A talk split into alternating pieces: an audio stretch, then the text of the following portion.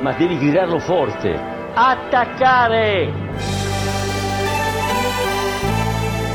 Che va il cross dentro, Quagliarella! Mamma mia! Mamma mia! Dal subito ha tornato a giocatori Pirlo, la conclusione in rete! Andrea Pirlo, un gol pazzesco! Von Karajan, la decide lui, la decide il numero 21 con un diagonale impressionante!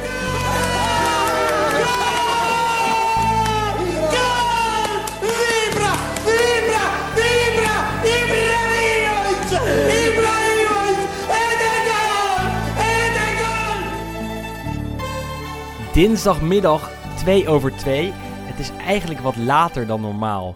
Maar ja, wij moeten deze podcast altijd een beetje door ons werk heen friemelen, als het ware. En eh, nou, dat hebben we gedaan. Want eh, we zitten er wel gewoon klaar voor op de dinsdag. Het heeft en wel de prioriteit? Ik bedoel, dat is... Het eh, heeft prioriteit. Ja, de absoluut. afgelopen twee weken wel, of drie weken, twee keer eh, natuurlijk online gedaan. Maar dit is toch wel wat, wat, Ja, dit is beter. wat meer Ja. puur, zou ik zeggen. dan ik was in België en ik moet wel even gelijk de, de aflevering beginnen met een... eh, ik heb iets te bekennen. Nou, Ik je heb hebt een intershirt een- aangehad. ik heb een war crime eh, begaan. Ik heb eh, eigenlijk per ongeluk een, een pizza Hawaii gegeten. Nee. Maar er zat zo weinig ananas op dat ik de ananas Maar, maar hoezo per ongeluk? Nou, in België is het heel normaal, zeg maar, zeker bij kinderen van de voetbalclub of van school. Dan doen die allemaal van die soort. Wij, wij doen een soort sponsorloop. Eh, in Nederland toch regelmatig op basisschool om geld in te zamelen voor een goed doel voor de school zelf. Nou doen ze dus daar heel vaak met eh, mosselfeesten. Dus dan gaan ze met z'n allen bij elkaar en dan serveren ze mosselen. Of pizza dingen en dan bakken ze pizza's en die verkopen ze dan. Dus we hadden zo'n pizza gekocht, alleen er zat echt let, zaten drie stukjes ananas op of zo. En die heb ik wel gewoon opgegeten. Je hebt de stukjes ananas opgegeten. Die ananas heb ik wel afge, Ja, afgegooid, ja, maar goed, ja. technisch gezien... Is, dat het dan dan een beetje... is het dan een margarita of wat, is, wat zijn de Eh, rest van de er ingrediënten daar? Oh ja, ja, Ja. Dus ook nog Het is eens eigenlijk een niet soort- vegetarisch. Het is een soort Niet pizza echt prosciutto. Alleen dan... Met een beetje ananas. Ja, dus ik vond het toch een beetje ongemakkelijk. Ja, nee, goed dat Ja. je het op. ik heb wel de ananas eraf gehaald. Dus Ja, anders heb je natuurlijk een beetje die, die, die historische vraag van... Of tenminste, die filosofische vraag van... Is iets nog een pizza Hawaii als je de ananas eraf haalt? ja, ja, ja, ja, ja. Misschien wel. Ik Komen weet we niet. Laten niet we aan onze luisteraars over. Komen we niet uit, Nee. denk ik. En we hebben een redelijk bomvolle uitzending. Lekker over Dus laten we praten. vooral niet te lang over, over eten praten. Eh, ook niet eh, te lang over mijn haar, dat al eh, tien keer door de war is gehutseld. Want de podcast wordt tegenwoordig opgenomen. En ja, dan wil je er toch een beetje normaal uitzien. ja, zo is het. Ja, die, die filmpjes die delen we dan op, op Twitter, soms op Instagram. Je weet nooit waar het allemaal terecht komt. Nou ja, best, dan, dan, dan moet je toch Ja, je beste beentje voor hebben. Ehm, maar goed, dat is vandaag niet zo. Gelukkig zijn de meeste luisteraars echt daadwerkelijk luisteraars. En luisteren ze via Spotify, iTunes en noem het allemaal maar op. En daarmee gaan we ja, deze week eh, weer over Italiaans voetbal praten. Want er is genoeg gebeurd. Zeg maar meer dan genoeg. Eh, eh, Ajax speelt tegen een Italiaanse tegenstander. Gaan we het even over hebben. Juve mogelijk uit de titelrace. Een corona-uitbraak bij Inter. En dat na de aflevering van vorige week. Waar we nog zeiden dat Inter ja, redelijk gelukkig was. Met de coronagevalletjes en blessures die ze niet hadden. Eh, Fiorentina krijgt een nieuwe trainer. Er waren veel mooie doelpunten. Nederlandse goals. Italiaanse goals met een Nederlands tintje. Ja, ik, ik, ik, eh, ja ik kijk naar de goede klok. banen zou ik Ik zeggen. kijk naar de klok en ik denk, we, we hebben maar 55 minuten. Nou, dat eh, snel, snel naar het begin, denk ik. Ehm, en dat is moeilijk, want als er zoveel onderwerpen zijn, dan, dan moeten we het even op een rijtje zetten. Laten we beginnen bij de titelrace. Eh, en daar zijn eh, drie clubs bij betrokken. Inter, Juve en Milan. Eh, ze zouden alle drie dit weekend spelen. Maar dat ging niet door. Want Inter zou zaterdagavond aantreden tegen Sassuolo. Maar ja, in de aanloop naar die clash, een, een clash met Sassuolo die normaal heel lastig voor Inter is, waren er wat coronagevalletjes bij de club. Eh, ook Stefan de Vrij testte positief. Matthias Vecino, eh, Danilo D'Ambrosio was de eerste, Samir Handanovic, wat stafleden. Toen greep de GGD van Milaan in en die zeiden: Wij kunnen het niet toestaan dat Inter Sassuolo gaat worden gespeeld op zaterdag. Wij lasten de wedstrijd af. Wij verplichten alle Inter-spelers in quarantaine te gaan. Ze mogen alleen eh, binnen blijven, ook niet trainen. En dan zien we daarna wel verder. Eh, ja, en dat, dat riekte naar competitievervalsing volgens Juventus-trainer Andrea Pirlo. Ja, dat valt wel mee. Hij Mag ik het zo zeggen? Nee, ja, Nou, dat- is, dat, nee, maar dat is niet te bewoorden. maar Ja, goed, dat is niet Nee, te bewoorden. jij- Jij moet het zeggen. Je- werd natuurlijk hebt gelijk, werd er gelijk naar gevraagd natuurlijk de dag Oké, daarna. ik moet het En niet het- in de woorden van in de mond van Andrea Pirlo leggen, maar wel in van sommige mensen die Ja, ook, nee, dat- ook, ook, dat ook, eh, sowieso. het erover hadden. Goed, maar dat competitievervalsing in de Serie A, als dat niet wordt genoemd in een seizoen, dan is het geen Zo Serie is het. Maar. Pirlo zei ook wat Pirlo anders. zei dat absoluut niet. Nee, Pirlo werd gewoon gevraagd van, hey, wat vind je er nou van? Eh, jullie zitten midden in de titelstrijd. Het programma is natuurlijk al scheef. Eh, jullie hebben ook zelf een paar keer natuurlijk moeten spelen zonder... Of tenminste, onder andere tegen Inter natuurlijk die wedstrijd. Dat ze onder andere, wat was het? Sandro, Quadrado, nog een paar spelers misten. Eh, heel veel ploegen die sowieso met heel veel coronagevallen wel gewoon hebben gespeeld. Wat vind je er dan van dat Inter nu met vier gevallen... Of volgens mij op dat moment waren het er zelfs nog maar twee... dat die wedstrijd dan niet doorgaat. Nee, waren er wel vier. Had het wel vier ja. toen? Nou. En toen, toen zei hij van ja, het enige wat ik erover kan zeggen is dat Inter qua moment geluk heeft gehad. Eh, want ja goed, de wedstrijd is afgelast, dus die hoef je niet te spelen. Plus je krijgt nu een interlandperiode. Plus alle spelers moeten in quarantaine, dus die gaan ook nog eens niet naar de nationale teams toe. Wat uiteindelijk nu dan wel is gebeurd. Vielen heel veel mensen overheen. dus goed, dat over was meer hetgene dat hij zei van ja goed, als het dan gebeurt, dan verwacht je dat je er nadeel van ondervindt, zeg maar. En op dit moment heeft Inter er geen Maar- nadeel van ondervonden. Behalve dat die jongens natuurlijk gewoon corona hebben. Dus dat, daar moet je niet te licht over denken. Maar dat, dat was zeg maar het punt wat hij maakte. Wat natuurlijk nog steeds heel ongelukkig is. Maar, maar wat we ook wel moeten belichten, en dat hebben we vorige week ook niet gedaan, is ook mijn fout. Ehm, wat ook is gebeurd, is dat Inter tegen Milan heeft gespeeld in oktober vorig jaar. Toen Skriniar miste. Eh, Bastoni was Bastoni er ook niet. eh, nog wat andere namen. Dus ze hebben wel degelijk al wedstrijden gespeeld met coronagevallen. eh dus zonder de spelers die positief testen. Dus we moeten er ook niet helemaal overheen nee, kijken. absoluut niet. Ja, goed, maar, dus dat, Ehm, maar goed, ja, dat wordt natuurlijk ook weer in Italië wordt dat lekker uitvergroot. Dus voor de Juventus, of door, vooral door de Interfans wordt natuurlijk gezegd van ja, en Pirlo die wenst iedereen eh, corona en, het is, en, en hij is Nee, echt een is grote schurk. En dan aan de andere kant heb je van de teams die dan weer tegen Inter zijn, is van ja, het is competitievervalsing. Dat zij dan net die moeilijke uit... Of het was wel een ongelukkige uitspraak. Maar natuurlijk is het heel ongelukkig en daar moet je gewoon sowieso niet over uitlaten. En zeker denk ik na een, een jaar waarin Italië natuurlijk zo zwaar is getroffen... om dan te zeggen van nou, Inter heeft echt geluk met die coronabesmetting op dit moment. Ja, dat kun je gewoon niet maken. moeilijk om het uit elkaar eh, te halen. En, en ik Ja, denk dat dat absoluut wel doet. Ja. Kijk, je hebt sportief gebied, je hebt gezondheid technisch gebied. eh, en, en dat haal je als trainer van Juve een beetje uit elkaar. Kan ik me voorstellen. Eh, aan de andere kant moet je dat niet op een persconferentie zo zeggen. Want je weet dat iedereen er, eh, erop duidt. Ja, Inter speelde niet. Wedstrijd afgelast. Uiteindelijk op 7 april gezet. Net zoals Juve-Napoli, die afgelopen woensdag dus zou worden gespeeld. Uiteindelijk ook verplaatst is. Die twee worden op 7 april gespeeld. Maar ja, Juve en Milan gaan er wel eh, gewoon aan dit weekend.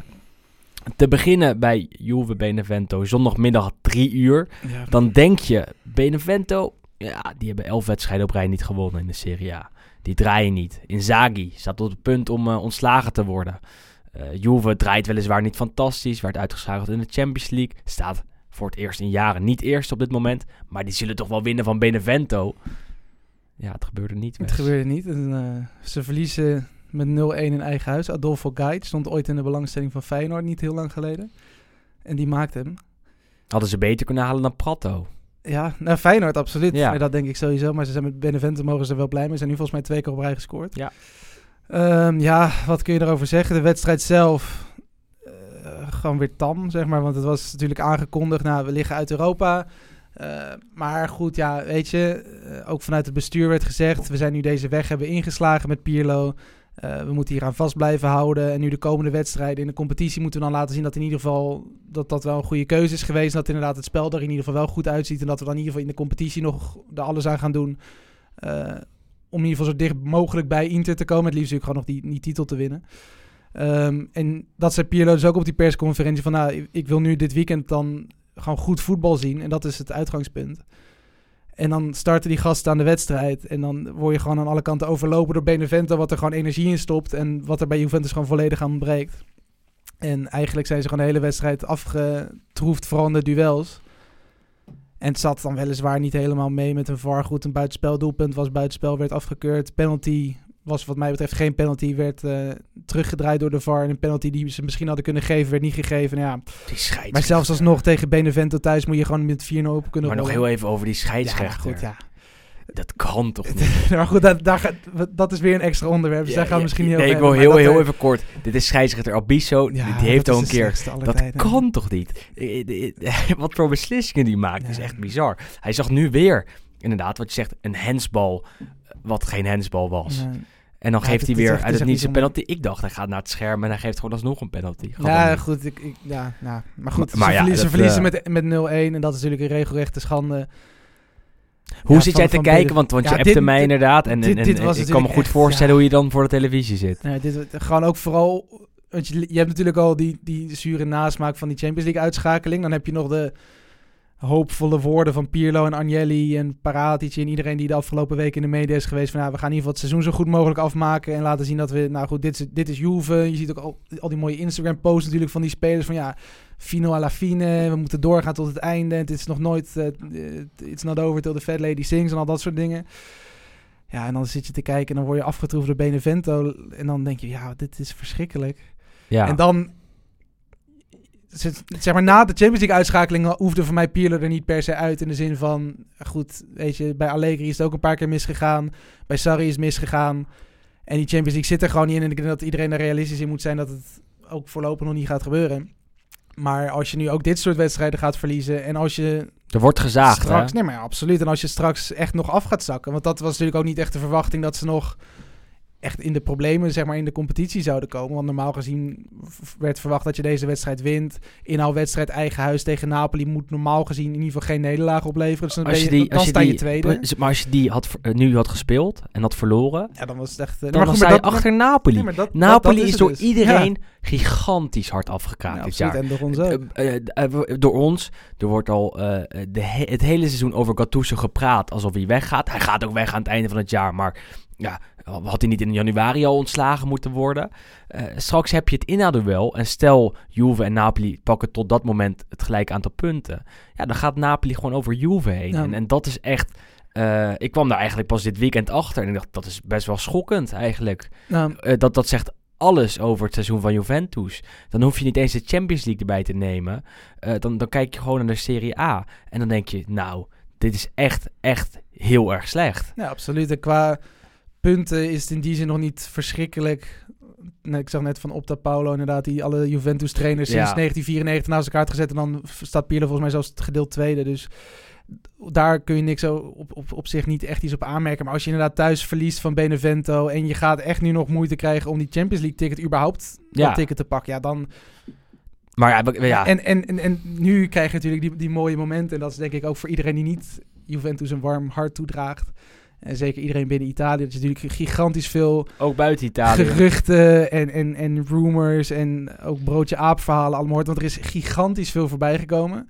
Eh, ten eerste dat ze na afloop van de wedstrijd eh, tegen Benevento... dat Danilo en Kulusevski elkaar in de, in de catacombe en in de kleedkamer te lijf zijn gegaan. Eh, vervolgens vanuit het bestuur zou er ook door Agnelli en Pirlo... dat die in elkaars gezicht hebben lopen schreeuwen. Eh, dan vervolgens de volgende ochtend wordt dat allemaal natuurlijk ontkend... en schijnt er niks gebeurd te zijn. Intussen zijn natuurlijk allemaal trainersnamen die alweer voorbij komen. Van Spalletti tot Inzaghi Komen we straks nog even op. Zinedine Zidane. Tot, Want wat eh, is bij, meer, is bij meer teams zo? Dat zit in de column van Isaac, die we een beetje aan het einde gaan beluisteren. en dan kunnen we nog even over de trainerscarousel Ja, praten. maar dit- je hoort nu allemaal van dat soort verhalen weer. En het zou dan nu weer zo, zo erg zijn als, als inderdaad Juve de komende wedstrijden... of de komende twee wedstrijden niet wint. Dat dan Pirlo er inderdaad gelijk uitvliegt. Dat Eerst Tudor, is, eerst is Torino thuis. Ja, tuurlijk. Maar en dat, dat Tudor dan de, het over gaat nemen. Want die spreekt op dit moment helemaal met niemand meer. Blijkbaar dat is de assistent-trainer. Die spreekt niet met Pirlo. Die spreekt niet met Baronio. Zijn andere assistent. En die spreekt niet meer met de spelers. Dus die staat een beetje soort nu buiten het team. Maar die zou dan straks de hoofdtrainer worden als Pirlo eruit maar dit zijn wel roddels, toch? Moeten Ja, we wel tuurlijk, maar goed, maar om even aan te geven hoe leuk het in Italië soms ook Ja, gaat. Dat ja. gewoon echt li- letterlijk ieder geruchtje wordt uitvergroot, ook door de grote kranten Welkom en, bij de club. websites. Ja. Welkom bij de club, want bij Juve is het echt van alle, alle topteams in Italië Het vaak het meest gezien. rustig. En, eh, en nu niet. En eh, dat hebben ze echt aan zichzelf te wijten. Hebben we al vaker besproken hier. Ik denk niet dat we elke podcast eh, moeten kijken naar het middenveldprobleem. Maar, en ook over Cristiano Ronaldo hoeven we niet altijd te praten. En ook niet over de keuze om Allegri weg te sturen. Of weet ik wat allemaal. Dat komt echt nog wel een keer allemaal langs. Alleen ja, het komt erop neer dat het, dat het niet de goede beslissingen zijn geweest. En, en daardoor vind je jezelf nu terug in de positie waarin Juve zich nu bevindt. En dat is niet meer absoluut aan de top van Italië. Zal absoluut nog wel eh, eh, bovenin zijn. En ik denk ook als nummer één, hè, als je alles erbij pakt. Maar het is niet meer zo eenzaam op die, op die hoogte als, Nee, als de, de voorheen. apenrots die is intussen beklommen ook door Inter. En die Ja. staan nu beide denk ik vrij hoog met Milan in het, op het vinkentouw. En nog Zo een paar is het. die natuurlijk al dichterbij zijn gekomen. Het is vooral dat gat wat je natuurlijk de afgelopen... Nou, misschien afgelopen seizoen ietsjes minder al. Maar zeker de seizoenen onder Allegri en daarvoor onder Conte. Toen heb je echt een gigantische sprong genomen natuurlijk ten opzichte van de rest van de teams. En de rest van kan de teams niet. maken die sprong nu. Eh, en op zich is dat logisch, want op een gegeven moment groei... Ja, weet je... Het kan ook niet. Je kan ook niet Die kan, altijd die kan er maar... niet 20 jaar ja. vasthouden bijvoorbeeld. Ja. Maar En, en het is dat- inderdaad wel pijnlijk. En, en het is ook gewoon een beetje... eh, ja, het, het is heel lastig. Want ook, we gaan het dan straks nog even over Allegri hebben.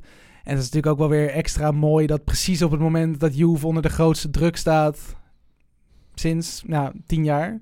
dat dan precies die avond Massimiliano Allegri is geboekt... om op nationale tv nog even daarop in te gaan. was toevallig. Werd was dan wel toevallig, maar goed, maar dat ze dan wel van die... Ja, dat, dan komt het opeens allemaal samen. En dan hoor je Allegri opeens weer heel erg... Het is natuurlijk echt een, een mooie spreker ook. Ja. Eh, hoor je hem dan weer praten, dan zie je gelijk de hele Juventus-fanbase. Verstond oh, jij het helemaal? Verstond jij Ja, het man helemaal? heeft zo'n mooi ik heb het vanochtend eventjes terug zitten luisteren. En het is een super mooi interview met, met eh, Ja. eh, de mannen van de Sky Calcio Club. Club, moet je Club. Club. Ehm, met Fabio Caressa. eh, wie zat er nog meer? Fabio Capello was erbij. eh eh Beppe Bergomi. Echt grote namen uit Ja. het Italiaanse voetbal. En, Hij, hij eh, spreekt wel bijzonder, hè? Hij, heeft, hij heeft een ja. heel mooi... eh, en ze stelden, het was echt een ja. soort vragenvuur op Allegri. Allegri die, die, eh, ja, was er als gast en het was ook wel duidelijk dat het meer een interview zou worden. Ehm, Max. ja, en alles naar Max. ja. En eh, ja, hij was ook echt aan het spreken. Hij was aan het oreren. Hij was zijn het is, gewoon, filosofie aan het het is neerleggen. ook gewoon een soort voetbalfilosoof. Want als je hem hoort praten, heb je wel echt gelijk van... Nou, wat, wat jij zegt, dat klopt ook. Het is super interessant, want hij zegt ook... eh, voetbal is heel simpel. Je moet het niet zo ingewikkeld maken als dat de Zerbi's en dat soort namen... Hij heeft- noemde geen namen, maar dat soort mensen Ja. het maken. De, de voetbal... De scripties. Ja, de scriptieschrijvers, zoals Pirlo inderdaad. Eh, je moet het simpel maken. Je moet vasthouden aan de identiteit van de club. En dan kijken wat je ermee kan doen. Maar het belangrijke is dat je het simpel houdt. En niet altijd maar achter een theorie eh, gaat schuilen als het even slecht gaat. het is je moet het gewoon... gewoon een hele pragmatische trainer, zeg maar. En eh, dan heb je En mij ook te wel. pakken. Want dan denk ik ook van, nou, dat, zo is het wel. Je hoeft niet altijd maar... eh, kijk, het moet niet à la dik advocaat bij Feyenoord zijn dat je zegt... Innovatie oh, is oh, eng, oh, Jullie spelen 4-3-3. Eh, het moet wel innovatief zijn. En ik weet zeker dat Allegri achter de schermen er alles aan doet... Om het beste van het zijn, beste maar- te hebben. En ja. flexibel te Maar die zijn. basis, dat is zeker iets wat hij natuurlijk ook heel goed heeft neergezet. Hij, hij heeft hier vaak discussies over gehad op de Italiaanse televisie. Lele Adani, dat was een, een, een voetballer ook, heeft ook voor Inter gespeeld in het verleden. eh, is wat mij betreft een van de beste analisten op de Italiaanse televisie. Zo co-commentator. Eh, altijd super enthousiast, weet veel van beetje voetbal. Gary Lineker van Gary Lineker achter, maar ja, dan, dan iets minder, eh, minder groot. Ehm, maar ja, die is eh, twee keer in een discussie gekomen met Allegri. Adani is een man die wel voor die theoretische dingetjes staat in het voetbal. Allegri was daar niet van gediend in interviews. Die zei, maar jij zit daar in de studio, je bent geen trainer. Ik ben trainer van Juve, dat was je op dat moment. En ik bepaal hier hoe wij spelen. En jij bepaalt hier in die studio daar, ik, in Milaan geloof ik, bepaalt niet hoe wij het moeten doen. En je kan altijd maar zeggen, het moet aanvallender, het moet dit. Eh, maar je, je weet niet half wat er hier speelt en wat voor balans er dan eh, verloren gaat als wij een extra aanvaller opstellen. Eh, een van die discussies was geloof ik vlak nadat Juve werd uitgeschakeld door Ajax in de Champions League. Nou, dat heeft veel teweeg Ja. gebracht. En uiteindelijk is, is, is die discussie ook wel een van de redenen geweest dat. Allegri vertrok als trainer van Juve. Ja, natuurlijk niet alleen vanuit niet- de media, Niet invloed, precies, maar Het, ja. kwam, het kwam natuurlijk uit meer hoeken. De instelling van Allegri bedoel ik dan. Absoluut, absoluut. En goed, we kennen natuurlijk ook eh, dat mooie interview, wat was het, rond Spal was dat denk ik, met die uh, Sei Intenditore di Ipica. Ja, ja, ja. Dat Allegri inderdaad daar tegen een paar journalisten zegt van, weten jullie wat van paarden af? Mhm. Ja, want paardenraces, uiteindelijk, het gaat erom dat het, de muzo, dus dat echt het, het, puntje snuitje, van de snuit, zeg maar, van ja. het paard. Dat is het enige, dat moet gewoon voorliggen op de rest en dan heb je gewonnen. ja. En het maakt niet uit hoe groot dat verschil is, maar als jouw puntje van je, de snuit van je paard, als dat maar voor ligt, de corto muso, precies. dan heb je gewonnen. En, En- dat is En dan kan je nog zo mooi spelen. Als ja. nummer twee kan je nog zo mooi Nou. spelen. Dat deed het Napoli van Sarri, maar dan ben je tweede. Ja, maar dat is dus Je een beetje ook de vergeten. discussie. Wat wil je als, als club en als team? Wil je dan liever met saaier voetbal of pragmatisch voetbal. Of voetbal waar je niet voor naar het stadion gaat, waarvoor je niet specifiek de tv aanzet en dan wel kampioen worden? Of wil je mooi voetbal en dan misschien geen kampioen worden? En dat is nu een beetje de keuze die ze natuurlijk nou, anderhalf jaar geleden, twee jaar geleden hebben gemaakt. En ze hebben Bij gezegd van, we hebben nu negen jaar lang, want zowel met Conte als onder Allegri, er zaten hele goede wedstrijden bij, ook hele mooie aanvallen, maar ook gewoon heel veel wedstrijden waar het gewoon inderdaad echt maar ja, een procent verschil was. Eh, dat hebben we nu negen jaar gehad, heel succesvol geweest, maar we willen nu doorgroeien naar iets wat en succes en mooi voetbal. Alleen die combinatie is Maar dat is niet. Juve niet. Dat is Italië niet. Dat is Juve niet. En dan win je niet in Italië. Nee, maar Daar dat komt is- het nu nee, maar- neer. nee, Je tuurlijk, kan maar dat is wel natuurlijk- dat- clubcultuur, eh, veranderen. Nou, dat denk ik deels. Eh, door de Ja. jaren heen. Nee, maar goed, maar dat, dat is hetgene waar ze naartoe willen. Want zij hebben natuurlijk ook bijvoorbeeld gezien wat met ehm, ja, Manchester City, Bayern München. Waren natuurlijk ook niet altijd van die free-flowing voetbalmachine, zeg maar. En ook sinds, dat was dan met de komst van Pep Guardiola bij beide teams, zijn dat wel ook gewoon qua identiteit van de club is dat op een gegeven moment veranderd. En dat is natuurlijk wel iets wat ze, denk ik, bij Juve ook Maar- wel maar, hopen. Van, we gaan van een, inderdaad, het pragmatische meer richting mooi je komt daar, de, vooral bij City, kom je uit een tijd waar ze nooit wat wonnen. Nee, natuurlijk, absoluut. Oké, toen won, ze begonnen al te winnen. Maar je hebt Eh, daar inderdaad ook wel meer en, tijd. je hebt daar meer tijd. Ja. Jij, je, je, je- je hebt Sarri gehad vorig jaar bij Juve. Het leek nergens op dat seizoen, dat, dat maakt niet uit. Eh, maar als jij daadwerkelijk het plan Sarri had willen volgen, had je hem langer dan een seizoen moeten houden. Ja. Want dan pas zie je in het tweede jaar, het derde jaar, zie je dat er een filosofie ontstaat. Daar zijn ze van afgestapt. Ja, maar ik denk hebben wel dat dat, ik denk En dat, dat ja, wel het plan is voor, of tenminste het plan was misschien tot afgelopen weekend met Pirlo, dat ze hem wel laten zitten en hem meer tijd geven. Maar er is geen tijd bij Juve. Als maar dat, nee, maar dat is het probleem, maar ik bedoel, het hetgene wat ik, tenminste de vergelijking misschien met Sarri en Pirlo, is dat Sarri niet goed in de club lag. Ja. Ehm, en dat heeft Pirlo natuurlijk wel mee. Die kent de club, is, ja, tenminste als we de geruchten nog even niet meenemen, nog steeds heel goed bevriend met, eh, met iedereen daar in het bestuur. Ehm, dus dat, dat zou hem wel hebben geholpen, denk ik, mocht het inderdaad niet misgaan verder. Eh, als hij tweede wordt op een paar punten verschil, dan neem ik aan dat hij gewoon blijft zitten. Alleen het is natuurlijk wel de vraag van hoe diep wil je het zeg maar laten afzakken. Ehm, en goed, dan denk ik nog, kijk, plaats 2, 3 en 4. Het is allemaal een Champions League ticket. Dus dat is, heb je zeg maar qua eh, het concrete wat je eruit haalt, is het weinig verschil. Maar het is natuurlijk vooral voor de beeldvorming naar buiten toe.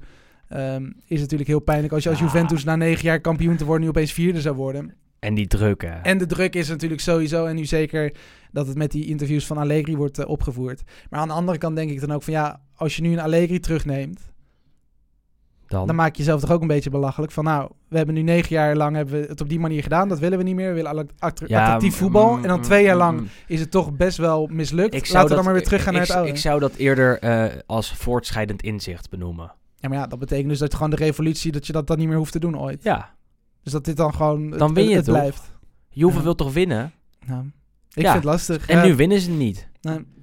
Dus ja, eh, het lijkt mij dat als jij Agnelli bent en Baratici, als hij nog blijft zitten, als je net fan bent, eh, net vet bent, dan zou ik denken, nou ja, hoe gaan wij weer winnen? Want dit jaar winnen we niet. We winnen, we winnen waarschijnlijk niet. Nee. Wat is dan de manier waarop wij weer de komende tien jaar kampioen worden? Nou, dat is denk ik niet door een revolutie te bewerkstelligen. Dat is denk ik door terug te grijpen op je basis. Terug te grijpen op wat Juve nou, de afgelopen 50 jaar misschien wel is geweest. Dat is een pragmatische club Nou. met zakelijk voetbal. Met af en toe hele goede voetballers. Denk je aan Platini, denk je aan Zidane, denk je aan Del eh, Piero. Pogba, Del Piero. Maar ook een zakelijk geheel op het veld. Ik denk dat dat het, eh, het van Juve moet zijn. De wijze moet zijn waarop zij weer de beste worden. Ehm, als jij nu bij Inter gaat zitten en tiki-taka voetbal gaat nastreven. Dat heeft Conte aan het begin van het seizoen ook geprobeerd. Hè? Moeten we ook niet vergeten. Lukte niet. Terug naar de basis. Voortschrijdend inzicht. Bij Milan heb je iets meer dat het leuk moet zijn. Maar dat zijn die clubidentiteiten, denk ik. En ik denk dat het bij Juve vooral zo is dat, dat je eh, gaat nadenken. Wat, wat is bij ons nou nummer één? Interessant voetbal of winnen? En ik denk dat winnen daar absoluut num- by far nummer één is. Ja. En dat het, dat het op dit moment te ver weg eh, van je is om het te combineren. Dat je dan maar teruggaat naar het winnen. Maar goed, aan de andere kant denk ik dan ook van je weet, normaal gezien ben je als Juventus altijd natuurlijk nog het topteam in Italië. Dus ook met, met een Pirlo of een Sarri aan het roer zou je kampioen moeten kunnen gaan ja, worden. moeten, moeten Het worden moeten nog worden steeds. Ja. Eh, maar goed, het blijft natuurlijk ook. het- het- wat een beetje ettert op de achtergrond is natuurlijk die, die verdomde Champions League zege. Want Die moet ook een keer binnenkomen. Want maar dat, is natuurlijk- ook al, dat- nee, maar dat, dat- hoort ook bij de identiteit. Natuurlijk, maar dat is wel het belangrijkste, denk ik, voor onder andere Agnelli, dat die Champions League ook binnen moet komen. En dan denk ik van ja, goed, je kan dan teruggaan naar het pragmatische van een Conte en een Allegri. Alleen toen is het ook niet gelukt. nee, Dus maar dat- dat is gaat, natuurlijk ook- gaat ja. zo toch ook niet lukken? Ja, nee, maar goed, maar dat... En dat zou ik niet als opgeven beschouwen. Dat zou ik beschouwen als, oké, het lukt niet zo. Dus we zitten Maar met die z'n allen op acceptatie is tafel. denk ik heel erg lastig Ja, voor die dat- gasten. dat denk ik ook, binnen dat maar- bestuur. En dat, is, dat maakt natuurlijk Omdat ze het nu zo hebben ingezet. Ja. Maar stel, je- er komt een moment dat Ronaldo weg is, dat je eh, weer kan herbouwen. Dan sta je bij Juve op een, op een punt dat je moet beslissen tussen altijd winnen, of bijna altijd winnen, en leuk voetbal spelen. En dan ben ik ervan overtuigd dat ze bij Juve altijd voor eh, winnen zullen Ja. kiezen. Of ze kiezen voor het volgende. En daar heeft Juriaan van Westen het over in zijn column.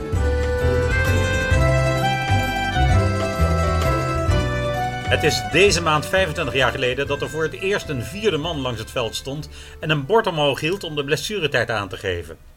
Dit was een idee van oud-scheidsrechter Paolo Casarin, die dit had voorgesteld aan de Italiaanse scheidsrechtersbond, omdat er in die tijd vaak veel onduidelijkheid was over de lengte van de blessuretijd en meestal was het publiek totaal onwetend, hetgeen tot extra irritaties en soms zelfs incidenten leidde. De bom barstte op 21 januari 1996 bij een Cremonese Juventus. Het is zo'n kille zondag met veel nevel in de Po-vlakte.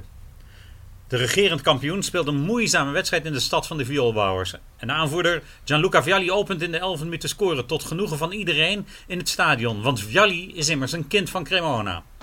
Hij scoort op aangeven van Ravanelli die de bal met zijn hoofd voorgeeft. Cremonese legt zich niet neer bij die achterstand en vecht zich knap terug in de wedstrijd. Want het maakt halverwege de eerste helft al gelijk wanneer doelman Peruzzi in de fout gaat en onder druk van Tentoni een eigen doelpunt maakt. Opeens heeft Juventus het moeilijk en is de thuisploeg met counters gevaarlijk. Na rust blijft de provincieclub aandringen en wanneer Ciro Ferrara een ontketende Matthias Floriancic onderuit haalt, krijgt het ook nog een strafschop. Maspero benut de strafschop en zodoende staat Cremonese voor het eerst in de geschiedenis voor tegen Juventus. Maar die vreugde duurt niet al te lang, want 10 minuten later krijgt Juventus een strafschop voor een overtreding op Del Piero. Ravanelli scoort vanaf 11 meter. En daarna volgt een open wedstrijd. Want de Grigio Rossi voelen dat er iets te halen valt. Terwijl Juventus echt moet winnen om in de titelstrijd te blijven. Een kwartier voor tijd gebeurt het. Net nadat Lippi tot veler verbazing Vialli heeft gewisseld. Uit een kluts kan Andrea Tentoni scoren. Het is 3-2 voor Cremonese. Het Giovanni Zini staat op zijn kop. Cremonese gaat de oude dame beentje lichten. Juve valt aan. Scheidsrechter Stavorcia heeft allang de 90 minuten zien passeren op de stadionklok. Maar hij laat maar doorspelen. We zijn al in de derde minuut als een voorzet van Jugovic Ravanelli de bal op het doel kopt. Doelman Turci heeft de bal niet klem. En de mee opgekomen Vierkowot werkt de bal over de doellijn. Terwijl Antonio Conte weer over zijn ploegenoot valt. Het is een puinhoop in het doelgebied. Maar de scheidsrechter telt de treffer. Tot woede van het publiek. En iedereen in Cremona weet zeker dat de scheidsrechter eerder had moeten affluiten. Er wordt uit de tribunes met vuurwerk gegooid. En eigenlijk kan de wedstrijd niet meer worden hervat. Omdat dit te gevaarlijk is voor de spelers. Voorzitter Domenico Luzzara krijgt een beroerte op de tribune van zijn woede. En moet met spoed naar het ziekenhuis worden vervoerd. Ook dat nog. En trainer Gigi Simoni zegt boos na afloop: Over 90 minuten heeft mijn ploeg gewonnen. Het blijft nog lang onrustig in Cremona. Juventus is weer de oude die veggen. La vecchia ladrona. Gelukkig verlaat Luzzara dezelfde avond nog het ziekenhuis. Hij is over zijn woede heen. En natuurlijk ging het in de dagen daarna in Italië vooral over deze kwestie. Er moest wat gebeuren. Je kunt wel drie minuten blessuretijd geven, maar dan moet het publiek het wel kunnen snappen. Soms gaf een scheidsrechter het aan door een paar vingers in de lucht op te steken, maar meestal ontging dat het grote publiek. Dit moest klantvriendelijker worden. Vooral om rellen na een wedstrijd te voorkomen. Casarin deed een voorstel. En de Serie A voerde een paar weken later in dat de vierde man de door de scheidsrechter bepaalde blessuretijd aan moest geven op het bord dat voor de wissels werd gebruikt. Binnen een maand zou een groot deel van Europa en dus ook de Champions League dit voorbeeld volgen. En nu weet een generatie niet anders dan dat een bord altijd er is geweest om aan te geven hoe lang de blessuretijd duurt. Maar ook het aangeven van die blessuretijd hebben we dus aan Juventus te danken.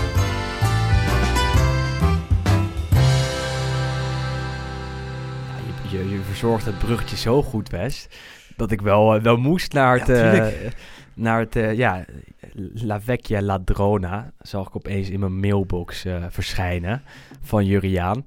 Toen dacht ik al, nou dat is een, een column waar... Heel erg pro-Juventus. ja, dan moeten ze maar weer iets met scheidsrechters gaan doen. Nee, dit, ja, dit, dat, dat, dat is natuurlijk kinderachtig, maar altijd mooi. Ik, ik, ik had contact met Juriaan en hij vroeg, ken je dit verhaal? En nou ja, al die verhalen die hij vertelt in zijn columns, ja, die ken ik persoonlijk niet, eerlijk gezegd. En, en dat maakt het altijd zo leuk, vind ik, om dat toch als intermezzootje te hebben in onze podcast. Heb je altijd de combinatie tussen het verleden. het en, heden eh, en het ja. verleden. En, en dan zo zie je maar dat je het echt aan elkaar kan linken. Ehm, ja, we, waren eigenlijk bij Juve. We gaan door naar Milan. Toch weer eh, ja, een kwartiertje over Juve gepraat. Maar ja, dat is ook het onderwerp van deze week. Laten we eerlijk zijn. Eh, de grootste Italiaanse club waar het niet draait. Die opeens misschien eh, in een crisis belanden. Ja, dan moet je gewoon even naar kijken. En eigenlijk wel wekelijks. En gelukkig maken we wekelijks een podcast. Waar het wel goed gaat zou ik zeggen, ondanks de Europa League uitschakeling door Manchester United vorige week donderdag, is Milan. Ehm, Milan staat nog altijd tweede. Won afgelopen zondag van Fiorentina met 2-3. Kwamen achter. Door eh, ja, eerst op voorsprong, toen op achterstand. Uiteindelijk wonnen ze toch nog met 2-3. Ehm, en dat was verdiend, hè, Ja, uiteindelijk. en mentaal ook goed. ja, het is echt en, en. Dat, en dat is wel iets, iets wat je bij Milan eh, natuurlijk ook de laatste jaren wat minder hebt gezien. Dat op, als het misging, dat het ook vaak gewoon keihard misging. Eh, en dat ze natuurlijk ook niet echt iemand hadden die ze dan weer even op sleeptouw nam. En dat zag je natuurlijk wel eigenlijk sinds de komst van Slatan in, eh, wat was het, januari 2020. Ja. Dat eigenlijk dat, vanaf dat moment is het gewoon veranderd. Want je ziet dat Slatan heel veel kritiek op zich pakt. Ehm, en ook inderdaad gewoon, ja, zijn zonen tussen aansteken, zoals Pioli het, eh, het zelf noemt, ehm, onder zijn hoede neemt. En die een beetje uit de wind houdt. Ehm, en ook tijdens wedstrijden, met zijn ervaring en zijn toch winnaarsmentaliteit, helpt hij dan inderdaad ook Milan over dode punten heen. En hij scoorde direct En hij weer. scoort natuurlijk ook weer, na, gelijk nadat hij terugkomt van die blessure. En dat is natuurlijk wel heel knap hoe één persoon dat eigenlijk kan eh, doen. En dat is iets wat je ook, om toch nog heel veel snel terug te gaan naar Juve, ook mag verwachten van een type als Ronaldo. En daar zie je dat een stuk minder. Dat is inderdaad iemand van als het niet, zit, niet mee zit, ja, dan zit het niet mee. En dat is niet iemand die even zegt van nou, schouders eronder, hup teammates, kom op, we gaan weer met z'n allen, gaan we ervoor. En dat zie je bij Slatan wel. En dat, zeker dit seizoen is dat wel duidelijk. Het verschil denk ik ook tussen die twee op, het zijn twee oudjes. Ze scoren allebei veel. Ze zijn allebei heel belangrijk voor een ploeg. Maar ik denk degene die bij far het belangrijkste is, is slaat dan ook gewoon qua wat hij- Leiderschap. wat hij meebrengt en, en dat leiderschap. En dat zag je ook tegen Fiorentina, want hij komt dan terug en hij staat weer direct. eh, scoort, rond goal af, schiet nog een keer op de lat. Coach zijn spelers, zorgt ervoor dat niemand het hoofd kwijtraakt. En eh, ja, dan zie je dat, eh, dat Milan zelfs achterkomt bij Fiorentina. Normaal gesproken lastige uitwedstrijd. Dit jaar, de afgelopen jaren iets minder, maar oké, als het kan lastig zijn. Nou, dat zag je nu ook, want eh Polgar maakte een mooie vrije trap. Vlahovic legde goed af op Ribéry die afmaakte. Maar uiteindelijk eh, ja, was het Brahim Diaz die de 2-2 maakte. Çalhanoğlu de 2-3. Diaz de 2-2. Zei ik de 2-3? Nee, twee, Nee, 2-2. Ehm, en dan is het toch knap dat ze daar alsnog winnen. En gewoon echt redelijk stevig op die tweede plek staan. En dan hoor je Sander, eh, en we refereren nog vaak aan hem, want eh, ja, de afgelopen twee jaar toch vaak met hem in, eh, in deze studio gezeten. Die zegt dan, ja, straks kwalificeren we ons niet voor de Champions League. Maar op deze manier is daar helemaal geen sprake van. Sander is ook wel een beetje fatalistisch. soms, hè. Fatalistisch, ja, ja. hij, was blij dat Slatan scoorde na 9 minuten. Toen, na 50 minuten, toen was het eh, de lekke band, eh, het lekke band gifje kwam op Twitter voorbij. en 10 minuten later stond ze weer op voorsprong toen was hij weer blij. Maar je Dus- ziet die rollercoasters hier voor je neus gebeuren en je kan het je goed voorstellen. En daar, daarin eh, zitten wij ook vaak genoeg met Juve en, Mil en, en Inter. Ehm, en ja, de- de- ze wonnen. Er staan dus vier punten voor Juve. Wedstrijd meer gespeeld wel. Nog, nog steeds eh, zes achter Inter. Titel is fair, maar ze hebben gezegd dat het nog steeds kan. Eh, dus ja, ja, het- goed, het in, eh, theorie kan het, kan het natuurlijk nog steeds. Maar Ja, hebben we vaak gevoel, genoeg z- gezegd. Zeker nu eigenlijk dat Inter ja, wegloopt terwijl ze niet spelen. 90 procent. 90 Gaat omhoog, procent. hij gaat echt duidelijk 90 omhoog. procent. Misschien wel 95, zei ik voorafgaand tegen Jeroen. Als Inter dit nog weggeeft, dan mag je hem echt oprapen. Ja, Nou, dan mag je hem echt oprapen. Als ze hem niet meer winnen, dat is ook een leuk. Als ze hem niet meer winnen. Als ze hem niet meer winnen, dan eh, eh, vlieg ik naar de Bahama's en kom ik nooit meer terug. Oké, hou ik jou. Ook geen ramp. er zijn ergere plekken om... Ja. eh, Oh ja, hoe ga ik te daar mijn geld verdienen? Nee, dus ja, nee, het, het gaat gebeuren. Het, het moet gebeuren. Als, als je het nu nog weggeeft als Inter, dat is echt het meest Inter-eske wat er ooit zou zijn gebeurd. Ja. En er is maar één club, misschien twee in Italië, waar dit zou kunnen gebeuren. Dat is Inter en dat is Roma. Eh, maar ik zie dit onder Conte niet, niet zo erg misgaan, eerlijk gezegd. Nog elf wedstrijden. Eh, die, die dag, die 7 april, Juve-Napoli, Inter Sassuolo. dat is wel een is belangrijke dag natuurlijk. Maar goed, dat is ook... Ja, Nou, maar daar kijk als- je natuurlijk ook al lang naar uit intussen. Met, zeker die Inter, eh Juve Napoli, dat hij eindelijk ingehaald maar, wordt. maar dat is een essentiële dag. Weet je nog, het Absoluut. speelweekend hebben we dit jaar ook al vaker over gehad. Het speelweekend dat Juve alsnog won bij Inter. En Napoli een dag later verloor bij Fiorentina. Die dag was beslissend in de titelstrijd. Napoli was het kwijt, Juve ging door en won de Scudetto. Volgens mij de, de, de zevende op rij. Als eh, je dit ziet gebeuren bij, eh bij Inter Sassuolo en Juve Napoli, eh, dan, dan zie je dat het zo wordt gepland. En dan denk je bijna, nou, dit zou wel eens zo'n dag kunnen zijn. Het is een belangrijke Ja, als dag. Juve daar wint van Napoli en Inter gaat inderdaad ten onder tegen Sassuolo. dan, dan is het druk er weer gigantisch Ja. erg op. En je krijgt natuurlijk ook nog een Juve-Inter. Dus een onderling duel. En Inter Roma, en maar ja, eh, je hebt, je hebt ook Maar nog goed, ja, je, Milan. Eh, er- nog veel genoeg. 95 procent, laten we daar gewoon op vastplakken. 90 procent. En dan gaan we nee, door naar niet, de volgende. niet 95 procent. 95 zei ik, eh, 90 procent doen we. Dat is, eh, Oké. ehm, ja, het is toch, eh, het is toch eh, eh, even afwachten. Laten we even langs de andere potjes. En dan hebben we ook nog eh, ja, een mooie column van, eh, van Isaac over ja, Roma-Ajax in de Europa League. En de trainerscarousel. Twee onderwerpen Ja. dit keer. Maar eerst even langs die andere wedstrijden. En dan slaan we vast een heleboel onderwerpen over. Maar goed, dat, eh, dat gaat af en toe zo. Je moet bij journalistieke bij, keuzes bij, bij maken. Roma Napoli natuurlijk nog wel even. De, of, ja, ja, of, ga- of nee, komen we daar nee, nog op uit? Ehm, laten we be- beginnen bij Roma-Napoli. Ja. Was toch een van de mooiere wedstrijden van dit weekend. Ehm, en daar wil jij Dries uitlichten, denk ik. Tuurlijk, Driesje. Giro. Giro.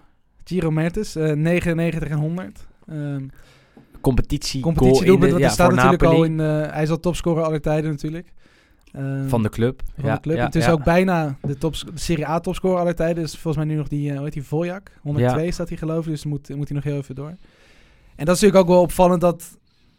eh, Ja, Napoli lijkt het weer een beetje op de rit te hebben. Tussen zes wedstrijden ongeslagen. Ja, de hele stemming is binnen die club ook een beetje omgedraaid. En dat kwam eigenlijk ook een beetje samen met de terugkeer van heel veel geblesseerde spelers, waaronder Dries Mertens.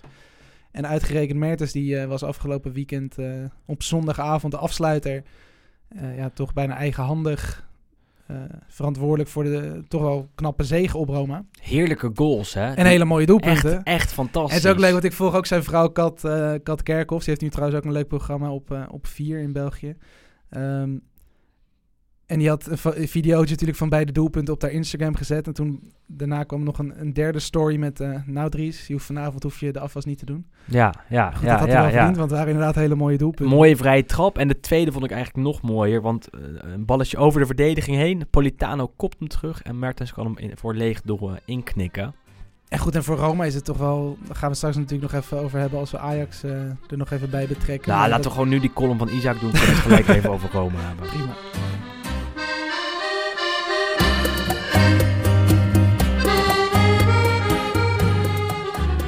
Buongiorno amici sportivi. Prossimo avversario della Roma nei quarti di finale di Europa League. L'Ajax di Ten Hag. De telefoon heeft al regelmatig gerinkeld met de vraag: Maar quanto forte l'Ajax? Mijn amici Romanisti hebben gemengde gevoelens. Over het algemeen vinden ze dat het slechter had gekund, maar ook zeker beter. En daarnaast volgen ze hier uiteraard de Eredivisie niet op de voet en denken ze dat ik ze gerust kan stellen. Nou, ik zal eerlijk zijn, ik zie het somber in voor Roma. De afgelopen dagen heb ik de kranten wat extra gevolgd naar aanleiding van de loting. En echt blij zijn ze hier niet. In Europa League c'è l'Ajax e la Roma non può sorridere. Roma kan niet glimlachen. Basti pensare al curriculum degli olandesi, ma anche alla stagione attuale. che li vede al comando delle Eredivisie. Kijk alleen maar naar het cv van de Nederlanders, maar ook naar het huidige seizoen, waarin ze heersen in de Eredivisie. L'Ajax non è quella che un paio di stagioni fa eliminò la Juve ai quarti arrivò a un passo della- dalla finale di Champions, ma merita rispetto. Ajax is niet dezelfde ploeg die Juventus een paar seizoenen geleden uitschakelde in de kwartfinales van de Champions League en een stap verwijderd was van de finale. Maar ze verdienen respect. En Fonseca zei na het loten van de Amsterdammers: Ajax heeft een mooi Europees project. Er staat ons een heel moeilijke wedstrijd te wachten. Ajax heeft de beste voetbalschool van Europa, maar we hebben onze kansen. Nu moeten we ze goed bestuderen. Ik denk dat het een evenwichtige confrontatie wordt. Tegen Shakhtar speelden we twee geweldige wedstrijden en zij waren een lastige tegenstander.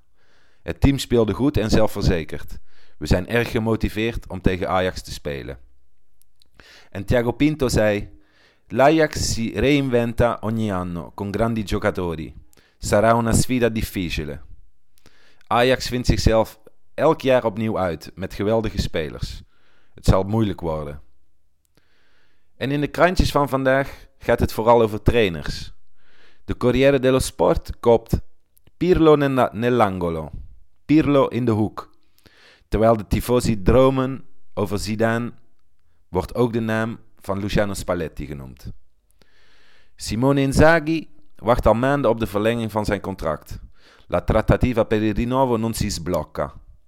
Inzaghi lo Tito, il grande freddo. En ook Allegri ontbreekt niet op de voorpagina. Roma, Napoli o la Nazionale. Supermax is klaar om terug te komen en wordt dus zelfs alvast genoemd als Citti bij La Nazionale, mocht het EK een flop worden. Ook Tuttosport heeft het over een eventuele stoelendans van de allenatori. Vier trainers op een rij met daaronder het logo van de volgens de krant geïnteresseerde clubs. Allegri piace alla Juve, la Roma e gli Spurs. Sarri piace al Napoli e la Fiorentina. Gattuso piace alla Fiorentina, Bologna e Torino. Conte piace alla Roma, il Napoli e Manchester United. Maar vervolgens staat er op de voorpagina van La Gazzetta dello Sport: Sarri, la prima scelta per la Roma. Sarri, eerste keus van Roma. Dat, dat komt dus al niet overeen met de andere kranten. Maar ook hier gaat het uitgebreid over de twee grandi tecnici pronti a tornare in gioco. Twee grote trainers die klaar zijn om terug te keren. Naast Sarri uiteraard Supermax. Pirlo rischia. C'è l'ombra di Max. En hier wordt er ook nog een schepje bovenop gedaan. Casting Napoli con Juric e Fonseca. Tra Lazio e Inzaghi spunta Gattuso. Dus ook daar waren ze het in de verschillende kranten niet over eens. Gattuso wordt dus ook genoemd bij Lazio. Hoeveel onzin er geschreven werd deze ochtend weet ik niet. Maar het gaat hier dus alleen maar over La Giostra delle Panchine. Hoe ik dat mooi vertaal? Ik hou het bij de trainerscarousel. Alla prossima.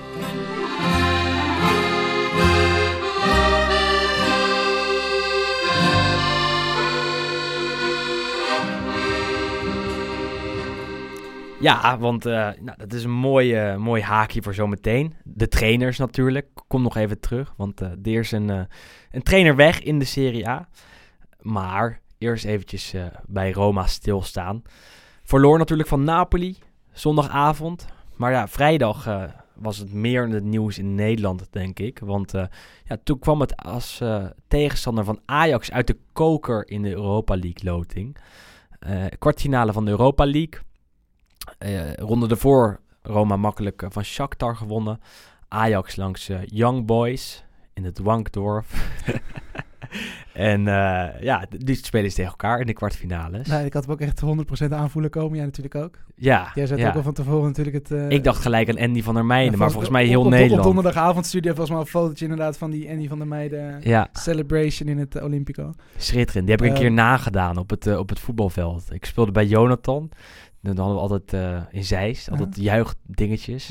Op een gegeven moment scoorde ik, het was dan op het hoofdveld. En ik geloof in de C1 of zo, weet ik wat. Scoorde ik een keer tegen de nummer laatst naar de cornervlag. En zo. dat is Was altijd dat mijn jouw go-to gedachte. celebration? Of? Nee, dat is, ik heb er wel, wel meer gedaan. wel meer gedaan. Ik ooit een keer als Matthea Kesman een penalty genomen. ja, dat was toch iets. eh, toen was ik nog in de eetjes of F'jes of zo hoor. Maar ja, uiteindelijk komen die celebrations Ja, wel een beetje terug op het veld. En die van Van der Meijden, weet natuurlijk vaker, maar die is altijd blijven hangen. En als ik aan Van der Meijden denk, denk ik niet aan zijn tijd bij Inter. eh, waar hij eigenlijk niks heeft gepresteerd. Maar meer aan dat doelpunt van Ja. Ajax eh, voor Ajax bij Roma. Ik geloof in de eerste minuut. Ja, dat die was een- eh, een van de snelste Ajax-doelpunten in, eh, in Champions League geschiedenis. naar de cornervlag Ja. als een soort boogschutter juichen. Ja, hele mooi. Nou goed, dus ja, ik voelde hem echt direct aankomen. Zeker natuurlijk na... Ze waren volgens mij als derde aan de beurt. Of, of als, nou, volgens mij als derde inderdaad. Zoiets. In die uh, Gao Clichy was aan het loten. En op een gegeven moment kwam Ajax eruit.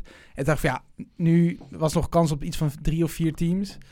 Ja, je voelde Ja. gewoon alles naar Roma komt eruit. Maar dit goed, ja.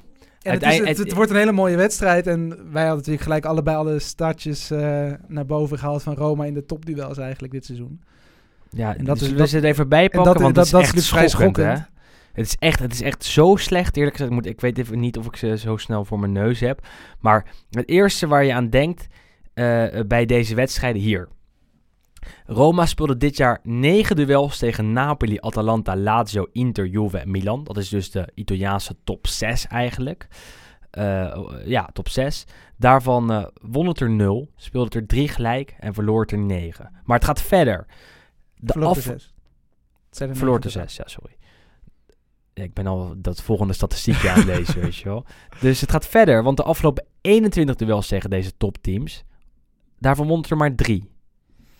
Daarvan speelde er 7 gelijk, verloor er 11. Dus, samengevat, 16 van de mogelijke 63 punten. Nou, ik hoop dat we nog luisteraars over hebben naar deze statistiekjes. Maar het komt erop neer dat Roma super slecht is in de topduels. Nou, Is de kwartfinale van de Europa League een topduel? Ik denk Ik leg het bij jou neer. nee, absoluut. En zeker denk ik ook het affiche is al mooi natuurlijk. Ajax-Roma is natuurlijk niet een... Goed, je hebt in de Europa League natuurlijk ook wel af en toe de Ludo Goretjes tegen... Ja, wat is het? de Dnipro, Dnipro Petros wat we hebben gehad. Goed, dat spreekt natuurlijk minder uit. Eh, dat spreekt minder aan. Ik spreek het wel goed uit. Ja. maar goed, nee, Ajax, Roma, Roma, Ajax. Dat, is- dat is natuurlijk een heel mooi affiche. Hetzelfde wat je vorige ronde had met Milan, Manchester United. Ja, dat zijn natuurlijk wel de Champions League waardige affiches in ieder geval. Maar Ajax is hier toch favoriet. Als, als we, en als ik we denk, ja, even op kijken naar de dit, elftallen... en op en- basis van ja. dit denk ik sowieso op die topperdroogte, zeg maar, is, is Ajax sowieso favoriet. En ook als je ziet de teams waar Roma best wel veel moeite mee heeft, dat zijn ook wel teams die heel hoog druk zetten. Ehm, en dat doet Ajax natuurlijk ook doorgaans. Ja, en Veretout en Mkhitaryan zijn allebei niet fit. Eh ja, laatst dat is- genoemde haalt het waarschijnlijk nog wel. Veretout Ja, is een twijfelgeval. Maar Roma zonder Mkhitaryan is echt veel minder goed. Ja, met Veretout eigenlijk hetzelfde. Want die is Ja. ook heel belangrijk natuurlijk. Heeft een hoop penalties eh, gemaakt. Dan, dus dat vertekent misschien het beeld een beetje. Maar Mijn gedachten gaan hem gelijk terug aan Ajax-Lyon van een paar jaar geleden. Toen Ajax uiteindelijk in de finale kwam te staan Ja. tegen United.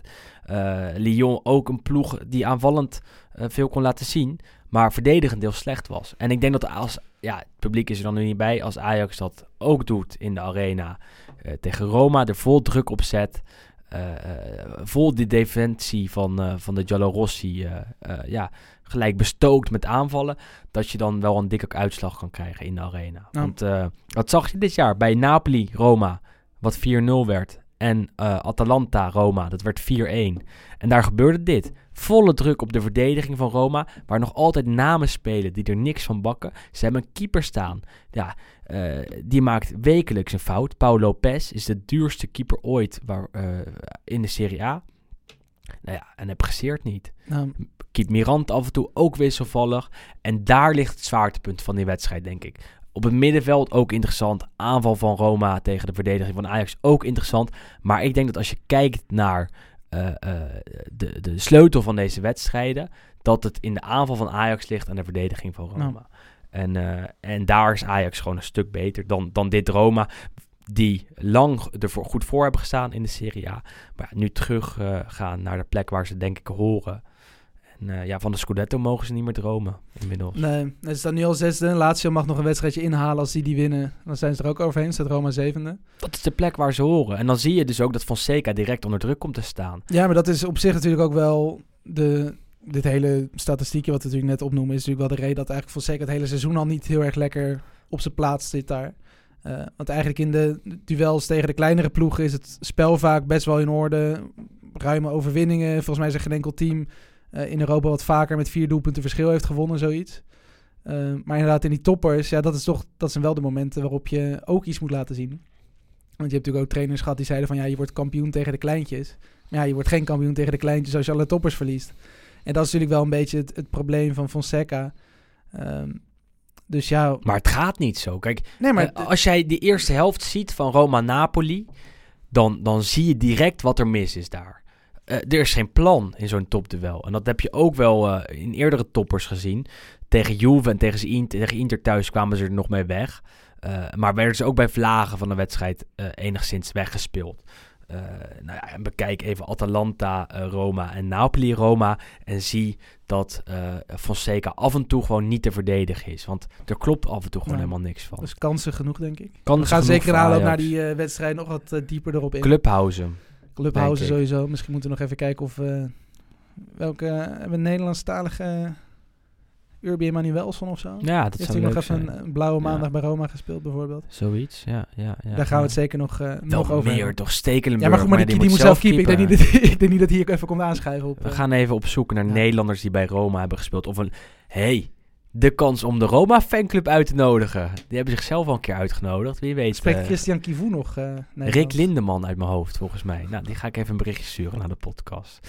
Eh, eerst even nog langs de andere wedstrijden. We gaan een beetje van de hak op de tak. Maar nog even langs de andere Serie A-duels van afgelopen weekend. En dan nog even de luisteraarsvragen. En dan zijn we er alweer doorheen, denk ik, voor deze week. We hebben een paar grote onderwerpen gehad. Maar vrijdag ja, ging iedereen in Rotterdam er natuurlijk voor zitten. Joshua Zirkzee, oud Feyenoorder. En Graziano Pelle in de selectie van Parma.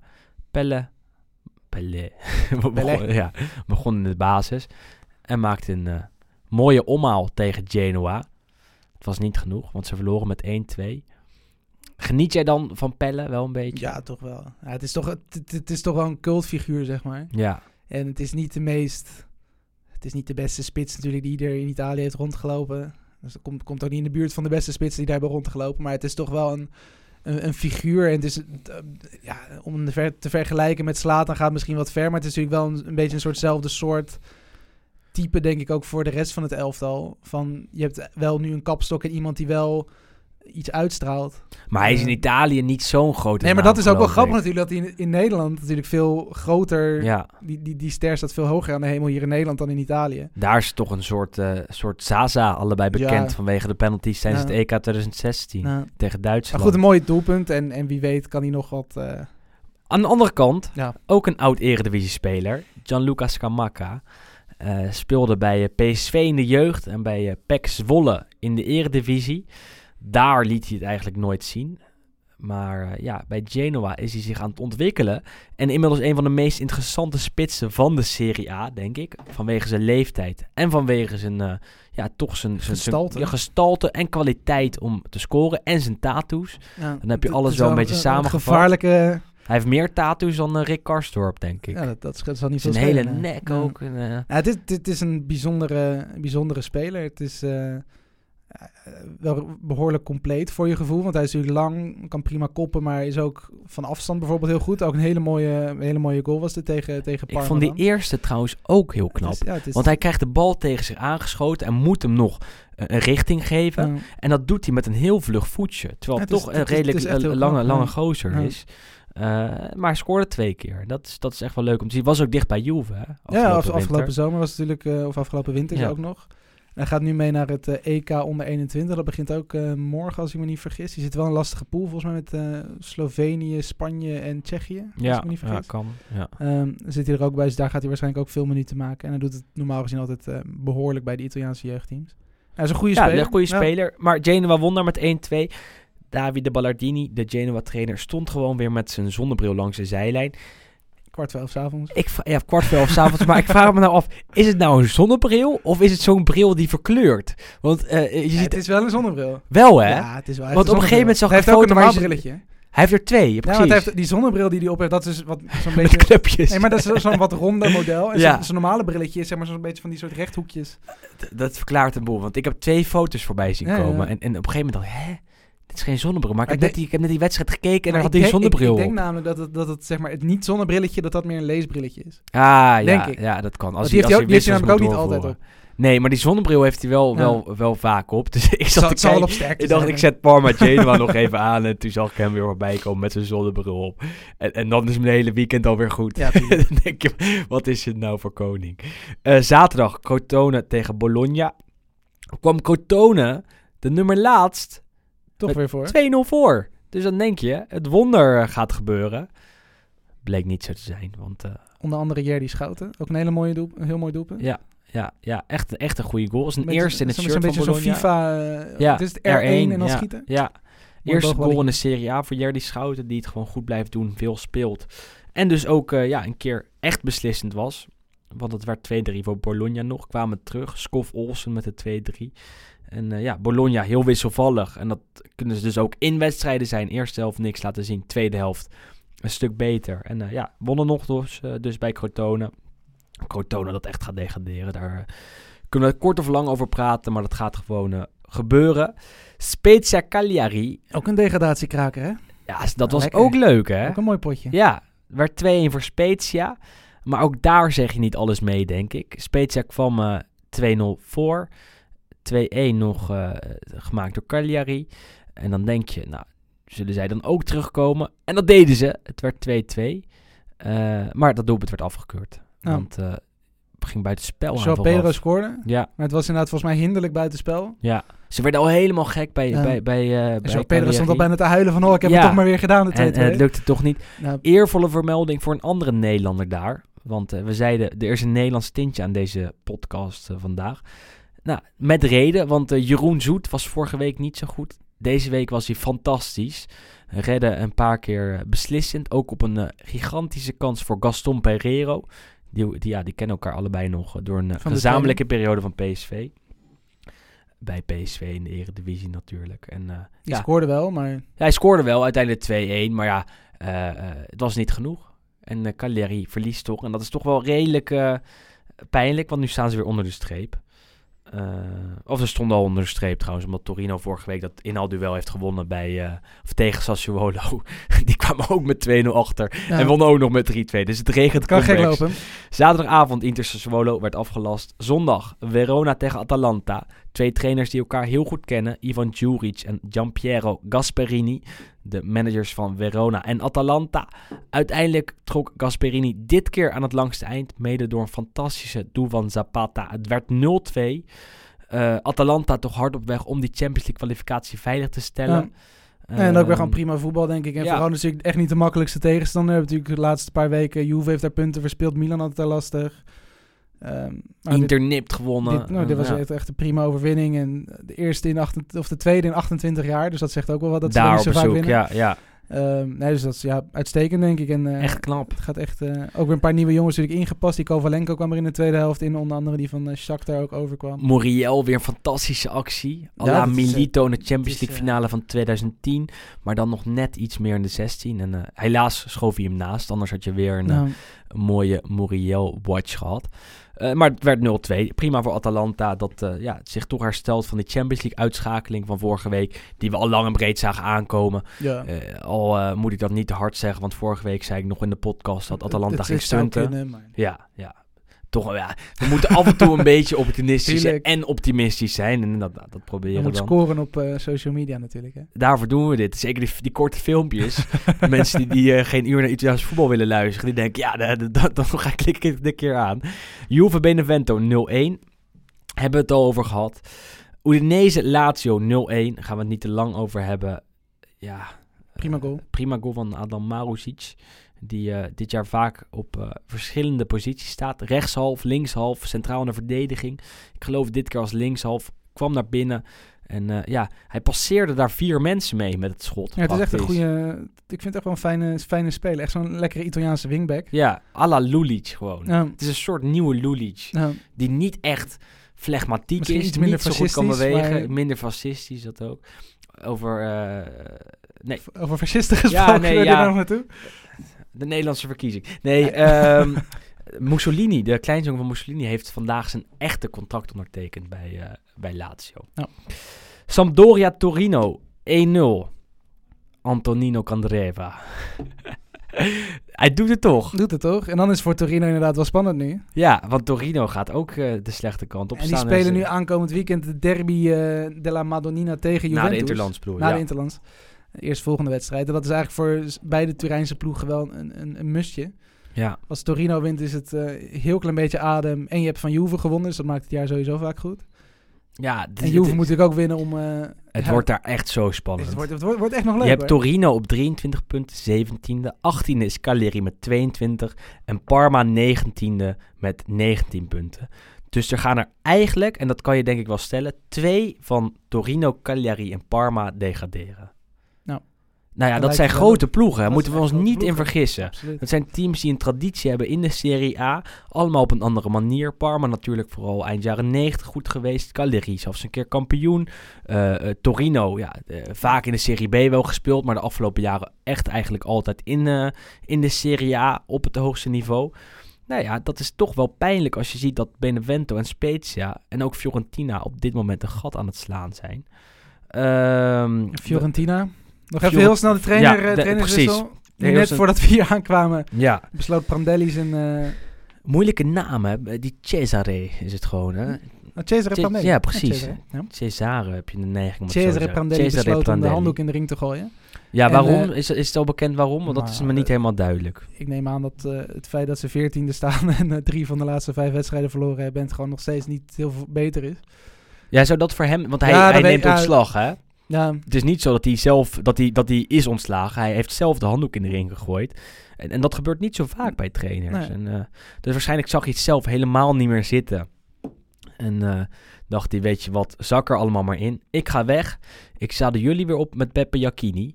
Want ja, eh, naar Italiaans gebruik gewoon weer de oude trainer uit het Maar, sop halen. Ik vind Fiorentina, en daar zou ik heel eerlijk in zijn, op dit moment de meest gênante club van de Serie A. ja. Er is zoveel potentie, je hebt zoveel goede spelers. Je hebt fantastische fans, want de Curva Fiesole is echt een van de beste van Italië. En je gooit het zo weg telkens. En Ja. je maakt zo vaak de verkeerde beslissingen. Je hebt zoveel rare spelers toch ook wel naar eh, Florence gehaald. Ehm, en dan komt er iemand, Rocco Commisso, de Amerikaans-Italiaanse eigenaar, die de club overneemt. Dan denk je, hij gaat ons redden. Hij gaat een plan neerleggen. Hij gaat ons naar het linker rijtje loodsen. Maar tot nu toe is dat een vieze teleurstelling. En, en, en dat zelfs, ik, ik ben wel een, een Fiorentina-sympathisant. eh, maar kijk er wel van buiten naar.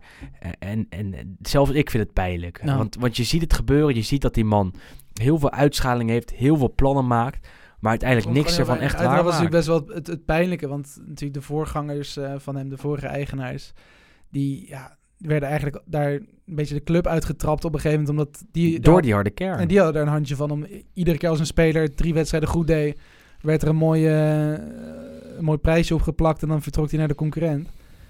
En dat zie je dan nu minder. Misschien, ja, Chiesa naar uh, Juve.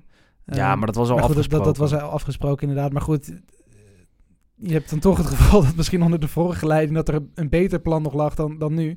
En kijk, En ik bedoel ook niet het, niet het nieuwe stadion. Dat, dat, dat Nee, kan je dat niet commissie over ja. verwijten. Maar wel eh, eh, het, het feit dat er eh, slechte trainers worden aangesteld. Want zowel de aanstelling als van Jacchini als van Prandelli... Nou, zag je al mijlenver aankomen dat dat slechte aanstellingen waren. Dat het slechte beslissingen waren. Nou, en dat blijkt. Want Fiorentina is nagenoeg veilig. Ze zullen wel weer in de Serie A blijven. Maar je hoopt bijna dat ze een keer finaal worden afgestraft.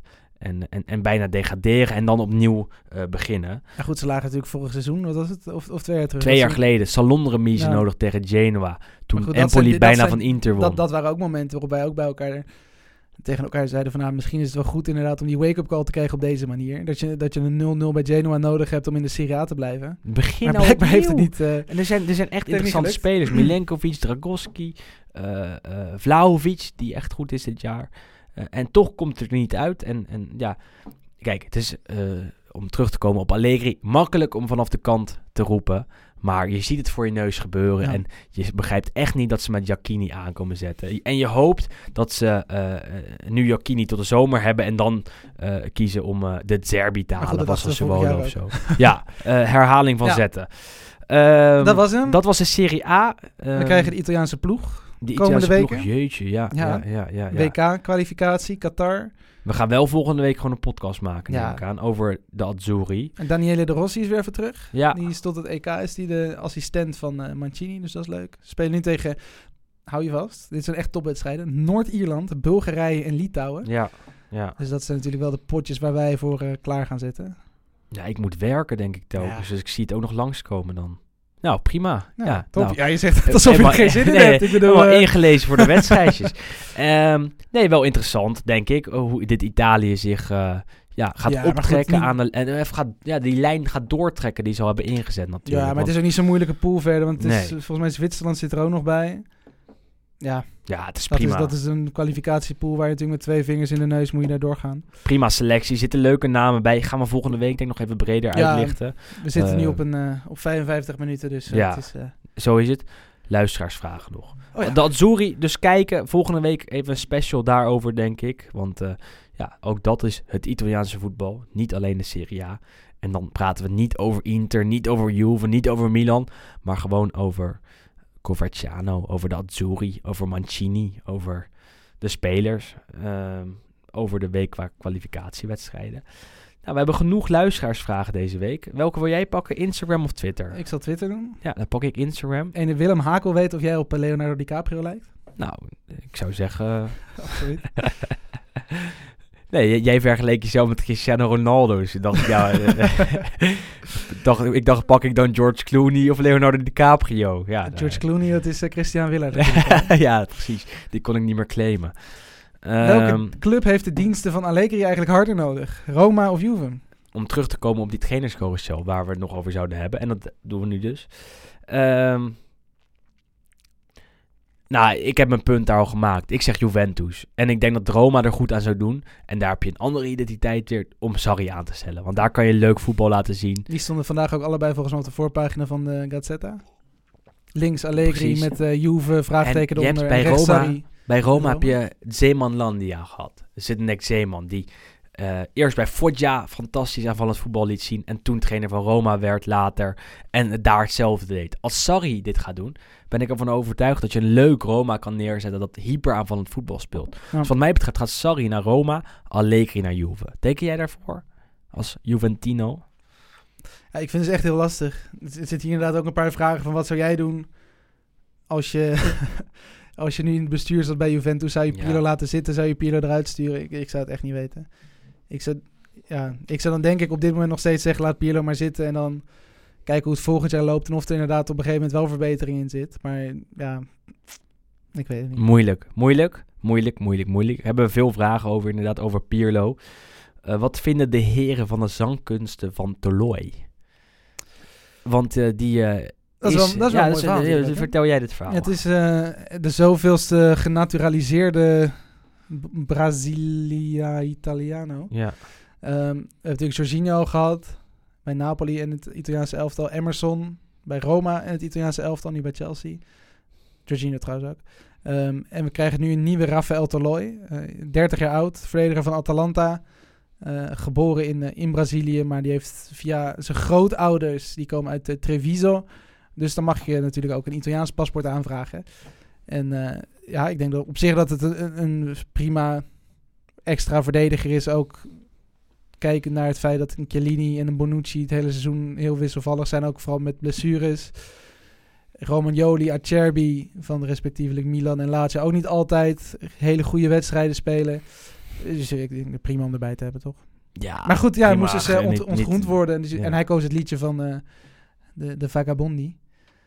Of van de Nomadi. De over, Nomadi, eh, ja. Wat dus tegen horen werd gebracht door Slatan op Sanremo. Of niet, want Slatan zong toen niet. Uh, was op dat moment een beetje laf. Maar Toloi die eh, ja, pakte de Ja. virtuele microfoon gisteren. Of de, hoe noem Ik je vind het dat? altijd leuk. eh, Luchtmicrofoon en eh, hij zong wel Die hard. ontgroeningen zijn wel altijd leuk bij die Italiaanse ploeg. Ja, Zie je ook dat die flessen wijn op tafel staan. Ik vind het altijd bijzonder welke nummers ze kiezen, eerlijk gezegd. Dat is, eh, Het is wel vaak heel erg antiek ook. hè? ja, het is, het, het is Ja. meer de Italiaanse muziek die ik luister dan die jij luistert, zeg maar. Ja.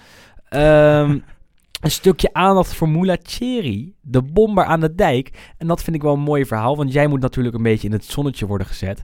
Want eh, jij hebt een belangrijke aandeel. Een belangrijk, aandeel, Dat ja. valt wel mee.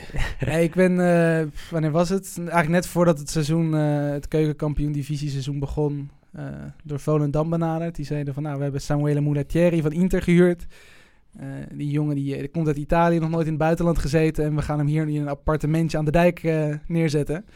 Eh, kun jij hem een beetje helpen met eh, ja, zich verstaanbaar te maken hier in Volendam in Nederland? Ehm, en eh, een beetje helpen met zijn integratie. Dus ik ben iedere week ga ik lekker een, een dagje langs bij hem. Haringje helpen. En dan gaan we... We hebben eerst vooral heel veel Engels geoefend. Omdat hij natuurlijk...